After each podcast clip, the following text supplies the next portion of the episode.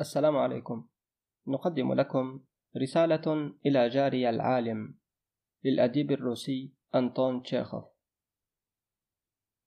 جاري العزيز مكسيم نسيت كيف تدعون باسم أبيكم فأرجو سماحكم الكريم. اعذروني واغفروا لهذا العجوز القديم ولهذه النفس البشرية الحمقاء. إذ أتجرأ وأزعجكم بتمتمة الكتابية البائسة هذه. ها قد مر عام بطوله منذ أن تفضلتم فحللتم بهذا الجزء من العالم الذي نحن فيه. ها قد مر عام بطوله منذ أن تفضلتم فحللتم بهذا الجزء من العالم الذي نحن فيه. ونزلتم إلى جواري. أنا الإنسان الضئيل. ومع ذلك ما زلت لا أعرفكم وأنتم لا تعرفونني. أنا الجرادة البائسة. فلتسمحوا لي أيها الجار النفيس أن أتعرف بكم وأن أشد في الفكر على يدكم العالمة وأهنئكم بالقدوم من سانت بطرسبورغ إلى قارتنا غير الجديرة المسكونة بالموجك والناس الفلاحين أي بعنصر العامة. ومن زمان وأنا أبحث عن مناسبة للتعرف بكم. وكنت متعطشا إلى ذلك. لأن العلم الذي هو إلى درجة ما أمنا الحبيبة هو والحضارة شيء واحد. ولأني أحترم من صميم القلب أولئك الأشخاص الذين تدوي أسماؤهم الشهيرة وألقابهم المتوجة بهالة المجد الذائع وبأكاليل الغار والصنوج والأوسمة والأشرطة والشهادات في جميع أنحاء هذا العالم الكوني الظاهر والخافي. أي ما هو تحت القمر. إنني أحب حبا لاهبا الفلكيين والشعراء والميتافيزيقيين والكيميائيين وغيرهم من سدة العلم الذين تنسبون أنفسكم إليهم من خلال حقائقكم الذكية وحقول علومكم أي المنتجات والثمار. ويقال إنكم طبعتم كتبا كثيرة خلال جلوسكم الذهني مع الأنابيب ومقاييس الحرارة. وكومة من الكتب الأجنبية ذات الرسوم المغرية. ومنذ قريب جاء إلى أملاكي الحقيرة إلى أطلال وخرائب ماكسيموس بونتيفيكس المحلى الأب جيراسيم وأخذ بتعصبه المعهود يسب ويلعن أفكاركم وتفكيركم بخصوص أصل الإنسان وغيره من ظواهر العالم الظاهر. وهاج وثار ضد مجالكم الذهني وأفقكم الفكري المغطى بالكواكب المنيرة والشهائب. وأنا لا أوافق الأب جراسيم بخصوص أفكاركم الفكرية لأنني لا أعيش ولا أتغذى إلا بالعلم الذي وهبته العناية الإلهية لجنس بني الإنسان لاستخراج الفلزات الثمينة واللافلزات والجواهر من باطن العالم الظاهر والخافي. ومع ذلك فلتعذروني. يا أبتاه. أنا الحشرة التي لا تكاد تبين. إذا ما تجاسرت فدحضت بأسلوب العجائز بعض أفكاركم بخصوص طبيعة الطبيعة. لقد أخبرني الأب جراسيم بأنكم فيما يبدو ألفتم مؤلفا فتفضلتم بأن عرضتم فيه أفكارا غير جوهرية بالمرة. بخصوص البشر ونشأتهم الأولى وكينونتهم قبل الطوفان. وتفضلتم فألفتم بأن الإنسان هو من نسل قبائل القرود والنسانيس والأورانغوتان وما شابه. سامحوني أنا العجوز. فإنني لست متفقا معكم بخصوص هذه النقطة المهمة وبوسعي أن أضع أمامكم عقدة. فلو أن الإنسان سيد العالم أذكى المخلوقات المتنفسة جاء في الأصل من قرد غبي جاهل لكان لديه ذيل وصوت متوحش. ولو أننا جئنا في الأصل من القردة لكان الغجر يسوقوننا الآن في المدن للفرجة ولدفعنا نقودا مقابل الفرجة على بعضنا البعض ونحن نرقص بأمر الغجري أو نجلس خلف القضبان في حديقة الحيوانات وهل يغطي الشعر أجسامنا كلها؟ ألا نرتدي الثياب التي ليست لدى القعود؟ وهل كنا نحب المرأة ولا نحتقرها لو فاحت منها ولو قليلا رائحة القردة التي نراها كل ثلاثاء لدى رئيس النبلاء؟ ولو أن أسلافنا كانوا من نسل القرود لما دفنوا في المقابر إن والد جدي أنفروسي مثلا الذي عاش في زمنه في المملكة البولندية قد دفن لا كقرد بل إلى جوار العباد الكاثوليكي يواقوم شوستاك الذي يحتفظ أخي إيفان الرائد حتى الآن بمذكراته عن المناخ المعتدل والتناول غير المعتدل للمشروبات الكحولية. والعباد تعني القس الكاثوليكي. فلتعذروني أنا الجاهل لتدخلي في شؤونكم العلمية وحديثي بطريقتي بأسلوب العجائز. وفرضي عليكم أفكاري المشوهة والفظة التي تكون لدى العلماء والقوم المتحضرين في مكان أقرب إلى البطن منه إلى الرأس. ولكني لا أقوى على الصمت ولا على الصبر. عندما يفكر العلماء تفكيرا خاطئا في عقولهم ولا يمكنني إلا أن أعارضكم. لقد أخبرني الأب جراسيم أنكم تفكرون تفكيرا خاطئا بخصوص القمر أي الهلال الذي يعوضنا عن الشمس في ساعات الظلام والعتمة. حين يكون الناس نياما بينما أنتم تنقلون الكهرباء من مكان إلى آخر وتعملون الخيال. لا تضحكوا مني أنا العجوز. لأني أكتب بهذه الصورة الغبية.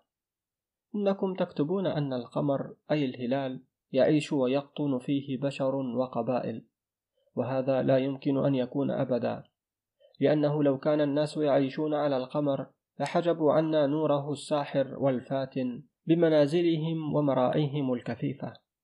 وبدون المطر لا يستطيع الناس أن يحيوا والمطر يسقط إلى أسفل على الأرض وليس إلى أعلى. على القمر. ولو عاش الناس على القمر لسقطوا إلى أسفل على الأرض ولكن ذلك لا يحدث. ولا انهالت القاذورات والمخلفات من القمر المسكون على يابستنا. وهل يمكن للبشر أن يعيشوا على القمر إذا كان لا يوجد إلا ليلا؟ وفي النهار يختفي.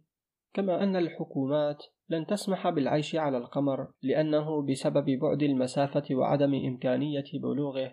يمكن الاختفاء فيه من المساءلة بكل سهولة. إنكم أخطأتم قليلا. لقد ألفتم ونشرتم في مؤلفكم الذكي كما قال لي الأب جراسيم كما لو أنه توجد على أعظم الكواكب المنيرة الشمس بقع سوداء. وهذا لا يمكن أن يكون لأن هذا لا يمكن أن يكون أبدا. كيف أمكنكم أن تروا على الشمس بقعا؟ إذا كان من غير الممكن النظر إلى الشمس بالعيون البشرية العادية. وما الداعي لأن تكون عليها بقع إذا كان من الممكن الاستغناء عنها. ومن أي جسم رطب صنعت هذه البقع ذاتها إذا كانت لا تحترق. وربما حسب رأيكم تعيش الأسماء أيضا على الشمس. اعذروني أنا المخدر المسموم على هذه المزحة الغبية. فأنا جد مخلص للعلم والروبل شعار القرن التاسع عشر هذا. ليس له عندي أي ثمن. فقد حجبه العلم عن عيني بأجنحته اللاحقة. كل اكتشاف يعذبني كأنه مسمار في ظهري. ورغم أنني جاهل ومالك أطيان دقة قديمة فإنني أنا المستهتر العجوز. أشتغل بالعلم والاكتشافات التي أصنعها بيدي. وأملأ رأسي الأخرق جمجمتي المتوحشة. بالأفكار وبطاقم من أعظم المعارف والطبيعة هي كتاب ينبغي أن نقرأه ونراه. وقد أنجزت بعقلي الخاص الكثير من الاكتشافات التي لم يخترعها أي مصلح حتى الآن وأقولها بلا مباهاة إنني لست من الأواخر فيما يخص التعليم الذي حصلت عليه بالأصابع المشققة من الكد وليس بثروة الوالدين. أو الوصاة الذين كثيرا ما يقضون على أبنائهم بالثروة والرفاهية والمساكن من ستة طوابق بالجواري والأجراس الكهربائية. قناة عبد الباري الطشاني على اليوتيوب للكتب والروايات المسموعة. وهاكم ما اكتشفه عقلي البخس. لقد اكتشفت أن شمسنا العظيمة النارية المشعة والمشعثة تضيء بلوحة من شتى الألوان الملونة في الصباح الباكر من يوم الفصح المقدس وتترك بوميضها المدهش انطباعا لعوبا. واكتشاف آخر لماذا يكون النهار في الشتاء قصيرا والليل طويلا؟ والعكس صيفا. اليوم في الشتاء قصير لأنه مثل باقي المواد الظاهرة والخفية ينكمش بالبرودة ولأن الشمس تغرب مبكرا.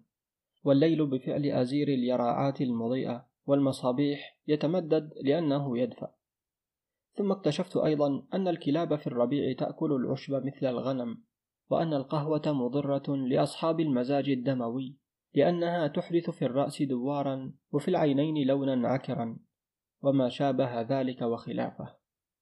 لقد أنجزت اكتشافات كثيرة غير هذه رغم أني لا أحمل شهادات أو تقديرات. تعالوا زوروني يا جاري العزيز. أستحلفكم بالله. وسنكتشف معا شيئا ما ونشتغل بالأدب فتعلمونني أنا الوضيع مختلف الحسابات.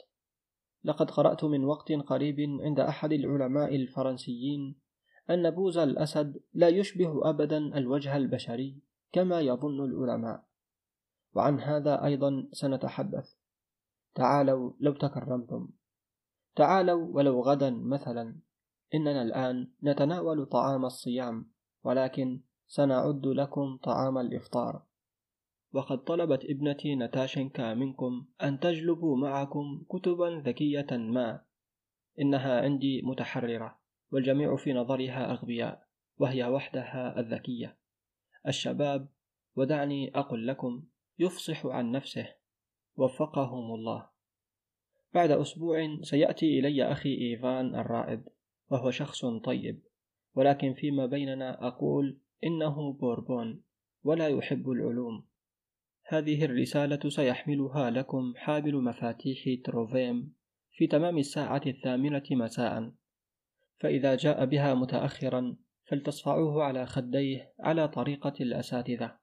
فلا داعي للكلفة مع هذه القبيلة. فإذا جاء بها متأخرا فمعناها أنه عرج على الحانة. هذا الملعون. إن عادة زيارة الجيران لم نبتدعها نحن ولسنا نحن من سينهيها. ولذا تعالوا من كل بد بآلاتكم وكتبكم. كان بودي أن آتي إليكم لكنني خجول للغاية وتعوزني الجرأة. فلتعذروني أنا المستهتر على الإزعاج. أبقي على احترامي لكم. صف ضابط متقاعد بقوات الدون من النبلاء. جاركم فاسيلي سيمي بولاتوف تمت رسالة أنطون شاخف. قرأها عليكم عبد الباري الطشاني. للمزيد من الكتب والروايات في الأدب الروسي اشترك في القناة.